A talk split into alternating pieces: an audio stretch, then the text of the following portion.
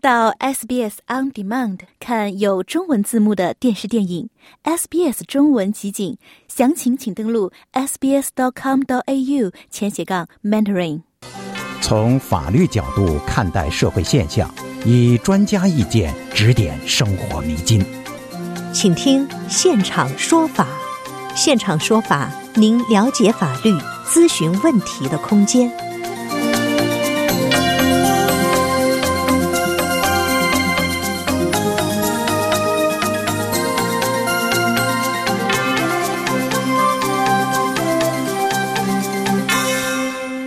听众朋友您好，欢迎您继续收听 SBS 广播中文普通话为您带来的现场说法听众热线节目。我们看到，美国的强生公司在婴儿爽身份案件中，被判向一名身患癌症的原告支付一千八百八十万美元赔偿。在数万名原告提起诉讼的情况下呢，该公司的子公司两次申请破产。在今天的节目中呢，我们邀请摩德克称律师事务所首席律师郑伟俊，从这个案例出发，和您聊一聊。因产品质量造成的索赔以及公司破产的话题，我们的热线电话依然是一三零零七九九三二三一三零零七九九三二三，非常欢迎您拨打参与节目咨询法律和移民签证等问题。首先来连线本期节目嘉宾郑律师，您早。喂，你好，非常谢谢郑律师做客我们的节目哈。郑律师，我们看到哈，美国的强生公司在婴儿爽身粉案件中被判向一名癌症患者支付高达近。一千九百万美元的赔偿哈，这个该原告表示呢，由于他从小到大就大量的接触大量的这个强生公司生产的爽身粉哈，他的心脏周围呢患上了致命的间皮瘤。这里是如果这样的案例发生在我们澳大利亚的话，原告做出这样的指控，需要提供什么证据吗？呃，首先的话，他们需要证明他们有在使用这个产品，而且这个产品的话是导致他的那个癌症或者是伤害。然后，啊，他就是要呃证明说，啊，这个啊使用这个产品的话是直接导致他的这个伤害的。然后也是有证明说他是正常使用这个产品，呃，而导致他这个伤害。啊，然后最后的话就是，呃，需要提供一些医疗的或者是一些专业的意见，就是要证明说他这个产品是不安全的，或者是要违反到某一些啊，他们原始啊出售的时候一些担保或者是合同上的一些条款啊，或者是使用的保证，才可以啊提出这样子的诉讼。其实您刚才提到啊，要提供这个专业的医疗意见哈。作为一个专业的医疗人员来说的话，啊，如果给出这样的意见的话，也是需要承担法律责任和义务的，对吧？啊，都某一个程度上是。可是，呃，呃，身为一个专业的人士，如果是向法庭去提供一个专业的一个意见的话，啊，如果他是有自己的一个根据或调查或材料来去依赖着来去提出这个专业的一个意见的话。那呃，他需要去负上个人的一个责任的话，那个呃情况是很很少有的。嗯，就说如果在澳大利亚发生这样的案例，需要提供这个专业的医疗意见的话，需要提供几份呢？呃，一般都是说出一份就已经足以满足那个法院的那个要求。可是你这边出一份医疗报告的话，那呃被告的话肯定也是会出自己的医疗报告的，所以就是嗯多呃这多于一个报告可能会比较好，就是看这个官司的那个证据啊取向是怎么样啊至少一份。可是有一些案子的话可能会出两三份，用各种的专业角度来去判断啊同一样事情。嗯，我们在这个案例中看到哈。美国的这家法院呢，拒绝向被告公司，也就是强生公司的生产这个婴儿爽身粉的子公司做出惩罚性赔偿。如果这个案例发生在我们澳大利亚的话，法院会不会做出这个惩罚性赔偿的依据主要是什么呢？嗯呃，在美国惩罚性的那个赔偿的话是比较呃比较普遍的，可是，在澳洲这边的话，呃是比较罕见的一个赔偿的一个呃一个取向。啊，如果澳在澳洲这边要证明说，呃，这个被告需要付那个处罚性的一个赔偿的话，呃，要需要证明说，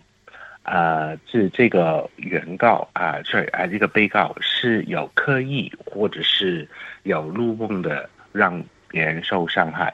呃，如果他只是正常去出售这个产品，而且当时是没有方法来去验证，啊，他这个产品是会导致他人死亡或者是受到伤害的话，是不需要的。所以一定要有一个刻意性的一个隐或者隐瞒性的一个因素，才会有这种处罚性的这种赔偿。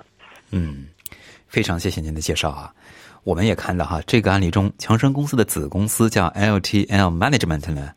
在今年四月份，于新泽西州特伦顿市呢申请破产，提议呢支付八十九亿美元，以解决三万八千多起诉讼，哈，以防止出现新的案件。这也是呢该子公司第二次试图通过破产解决爽身粉索赔问题。在这个申请破产之前，哈，联邦上诉法院呢就驳回了该公司早些时候的申请，也是申请破产，哈，就是说申请了破产，在破产程序申请过程中，或者是。破产程序进行过程中，是不是法律诉讼就不得不停止了呢？呃，除一般是，除非是有抵押或者是担保品的这种诉讼，呃，比如说呃银行啊，或者是债权人呢，这些人起诉的话，呃，就算那个公司是被接管的话，还是可以一人继续的。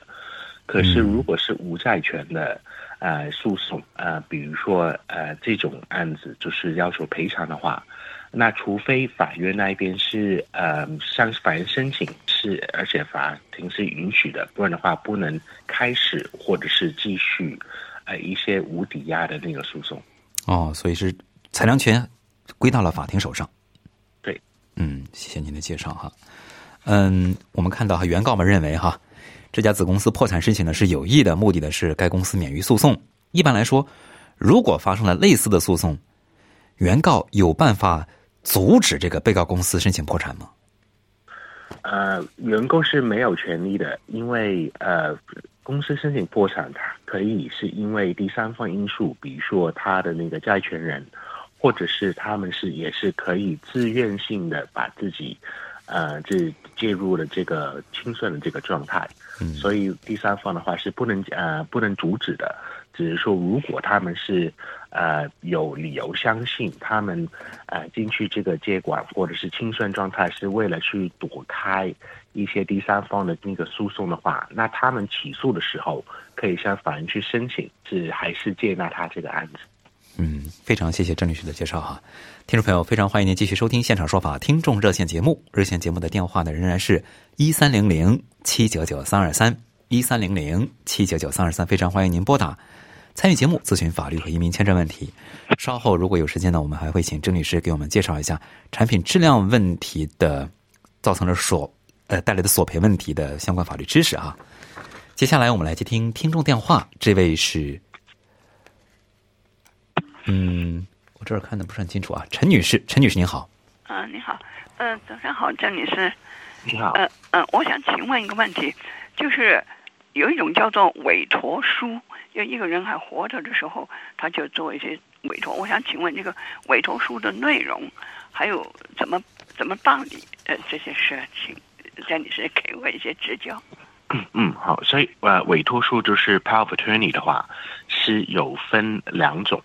啊，那个委托的那个范围的话，可以是一个一律呃没有限制的一个范围，就是你本人可以去签的那些文件都可以去呃指定那个委托人去代替你签。那法律效力的话，就是好像你自己本人签的一样。哎。呃，那这个范围的话，就是你也可以限制，比如说在一个时间段签字，或者是在某一个情况发生的，比如说你在海外了才会有那个法律效力。这个啊，或者是只能去帮你去签某一份文件，或者是某一类型的文件，这个你都是可以在你那个委托书里面规范好。那我说的有分两种的话，就是有一种就是，啊，一个普通的委托书。这个普通的委托书的话，就是你自己本身有权利签字的时候，委托他人去签的话，才会有法律效力。第二种的话，就是 enduring 的话，就是，嗯，就算你无能去签这个文件，比如说因为医疗的问题，或者是因为你的精神问题导致你已经不能再签文件了，你这种 enduring 的 power of attorney 的话，还是可以有呃委托呃他人去代替你签，所以就是看那个持久性，你需要那个委托范围有多宽。嗯哦，是这样的。那么什么范围都可以是吧？对就是自自己的呃生活啊，呃这个医疗啊，什么都可以。啊、签文件的话是可以，可是如果你是想要人代替你去做某一些呃这日常生活性的那些决定的话，比如说你住哪里，要不要去养老院，要不要去呃分配自己的财产之类的，这种的话，啊、就是另外一种委托书，这是一种 guardian guardianship 的一个呃一个委托。啊、这种的话会跟那个呃传统的那个 power of attorney 会有一点点不一样。嗯哦，那事先自己要打好草稿，你要委托些什么什么什么，是吧？对你自己本身最好是按你先规范好你的那个医院，然后才去立这份的文件再去签。那就说被受委托的人呢，他就照委托的那些条例，呃，已经受了他就做这些，没有没有收钱的他就不能做那些，是吧？嗯，不一定要收钱。嗯，这个的话，你也可以写进去那个委托书里面，就是，呃，你这个委，嗯、这收委收委托的这个人会不会有薪资，或者是有那个酬劳？啊、那如果你是写没有酬劳的话，那当然这个，嗯、收托人的话是可以拒绝这个提名的，所以就是这个，你可以可以跟他去先去沟通好。哦，那就弄好了以后再去请律师办理，在这以前要做好一些准备工作，是吧？对，大概的大概的那个范围，先要去想一下，然后才呃转告给律师帮你去立这份文件。哦，好的好的，谢谢你。好嘞，谢谢陈女士咨询哈、祝您顺利。接下来我们继续接听听众电话，这位是夏女士，夏女士您好，你好，你好，两位主持人好。我想请问我小孩的签证的问题。我在我小孩二十岁的时候，呃，申请他移民过来，但是到现呃申请了一年的时候呢，呃，就去检查身体了。后来到我小孩昨天就到二十三岁了。我在这个之前，就是上个月我们有打电话，有叫中介去发信给移民局，全部没有给我们回复。但是我小孩有一个问题，就是有一个先天性的心脏病，但是每年只是因为做过手术嘛，每年只是医院去检查一次，但到现在什么移民局什么消息就不给我们，也不回答，就是这样的这个样的一个情况。嗯，陈女士，这种情况该怎么办？嗯，这种情况的话，就呃，这恐怕就只能去等了，因为移民局那一边，如果他们那个医疗报告出现了有异常的话，他们需要卷到另外一个部门去审批，看呃这个签证该呃还该不该去呃发布。那如果是医疗的问题的话，他们就会考虑到，嗯、这个申请人他的那个医疗情况，就是会不会如果拿到呃 PR 之后，会不会对于澳洲这边的这个医疗系统，呃，造成一个呃不成比例的一个负担？啊、可是它这个审批的这个流程的话，啊、的确是会比较久。嗯，夏女士，啊，这样，因为我们因为他刚好昨天二十三岁，我们之前有打电话联系，什么都 A A 诊也发过去，我们也有打电话，我们也有，他说你去网上面写他的资料，什么原因，我们都做了，但是什么回答都没有，到现在就是这样啊。嗯，那我也只有等啊。嗯嗯，对，这只能等。可是如果你是，嗯，是对于他的那个年纪是有顾虑的话，他是那个年纪的话是由你申请那一天为准的。所以就算他这，嗯，我知道这是小孩签证的话，如果是超过了二十三岁的话，是不符合这个呃标准的。可是如果你是二十三岁之前已经递交了。啊，那他现在就或者是即将二十三岁的原因，是因为他的审批过程比较比较慢的话，这个不会影响到你原始申请的时候，那个申请人的那个年纪还是二十三岁以下。嗯哎，对我们打电话去的时候，他也是这样跟我们回答的。啊，嗯对，啊那所以就是是对啊，就不用担心他因为年纪的问题，只是说现在就是等他医疗那一边去审批，呃，这去做那个审批结束了之后，就会有一个结果。啊，这样，那好，好嘞那，谢谢两夏女士咨询，祝你谢谢顺利哈。这里是，这个签证问题啊，就是可能说申请永久居民的时候，如果是身体状况不太好的话，很难申批下来。有这个案例，此前我们也报道过哈。不知道您在工作中有没有碰到，比方说续签 PR 的时候，因为身体状况问题而不续签的这种情况有吗？嗯，需 PR 的时候，嗯，是因为，呃，是不需要去做体检的，哦，所以如果是嗯，这一旦获得 PR 的话，那就不会有那个医疗的问题。嗯可是需 PR 的话，有可能会因为人格测试的会有问题，所以就是比如说你那已经获得 PR 了，嗯可是你之后有犯罪，那移民局那一边的话，还是有权利，嗯、不批或者是取消你的 PR 签证的。如果那个罪名比较严重的话，嗯所以这个就嗯，对这个这个的话，就是只能转成为澳洲公民的话，才能去避免因为人格或者是犯罪记录，嗯，而被嗯取消签证的那个问题。非常谢谢郑律师给我们的分享哈。接下来我们继续接听听众电话哈，这位是张先生，张先生您好，哦，是我吗？谢谢你。是您，您请讲。呃，嘉宾好，我的想咨询一下，呃，我住在悉尼，嗯呃呃，收到这个 local council 的给我的这个信啊，说我邻居要翻建，就是推倒重来，造二层房子。那么我们看了图纸，因为呢，我们这个地区呢，就是一般的房子呢，就是两边呢都没有窗的楼二楼。那么他现在造呢，二楼有都有窗，就是我想咨询一下，如果我们看了图纸，我们感觉不大可以，我们想跟楼口说不行，我们有什么理由拒绝他？嗯，他啊，康所发给你那封信里面的那个内容，应该是有一个地方说，如果你对于旁边那个邻居的这个建筑申请是有疑问，或者是是要反对的话，那应该是有一个网站可以去来去递交你的反对的那个内容。那如果你邻居的那个二楼那一边有向着你这个房子的那个窗户的话，那如果你对于这个窗户是有顾虑，比如说呃你是有隐私问题啊，或者是他是那个房间的那个窗户是对着你自己的卧室啊之类的话，或者是厕所之类的话，你递交这你可以去那个网站来写，呃，你有这样子的一个顾虑。那看所收到之后，如果是判断说是对于你的隐私会造成困扰的话，他们可以去批准这个 DA 的时候，他们可以要求他把这个窗户把它啊、删除掉，或者是呃必须要对方去用这种磨砂纸看不清楚的这种玻璃来去呃装在那个窗上。所以你递交这个反对的那个呃这信息之后，council 那边的话也会考虑到，才会去做这个决定。嗯啊，是这样的，呃，我的二楼呢，我的二楼呢，上面是一边没有窗的，就是一层呢都有窗。那么他的申请呢，就是他造两层，他下面也有窗，这是呢，因为 f e 呢都阻挡的没问题。他二楼呢，他有设计了好几个窗，我是顾虑这个。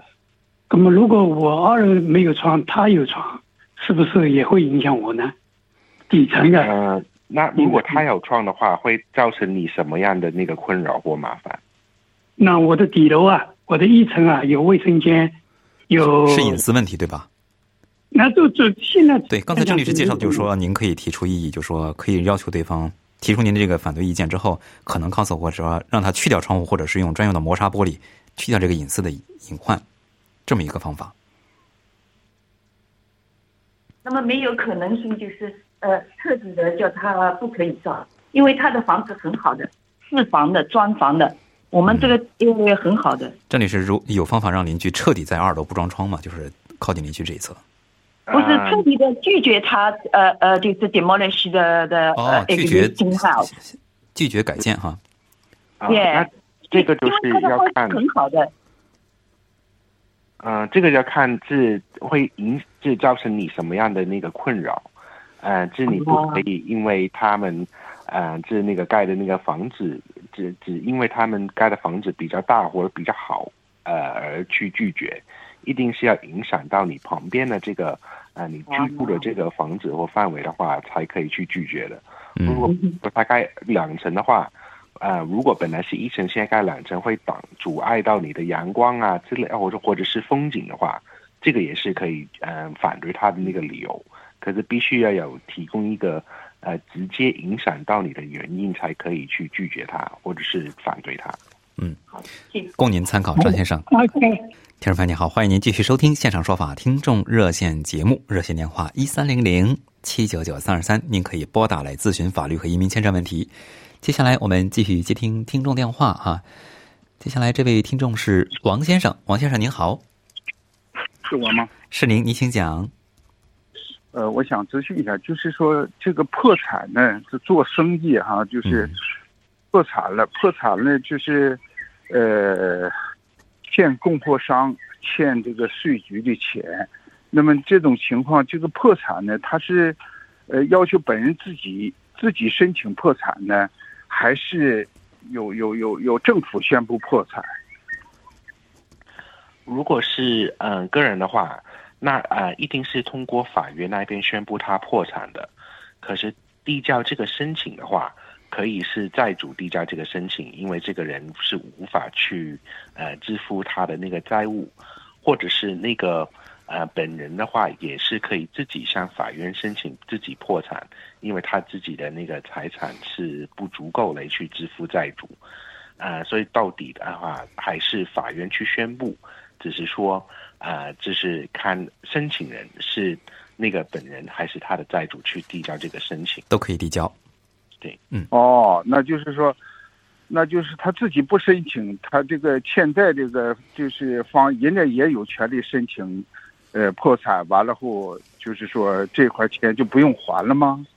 呃，不是不用还，只是说如果他介入了这个呃破产的这个状态的话，会有一个呃接管的一个呃受托人，呃是法院那边委托的，嗯，去管制他所有的财产，然后就是会把拿去拍卖或者是转让，看看可不可以来去把那个钱去支付那些债主。嗯，哦，好的，好嘞，谢谢王先生咨询，祝您顺利。接下来我们继续接听听众电话，这位是刘女士，刘女士您好。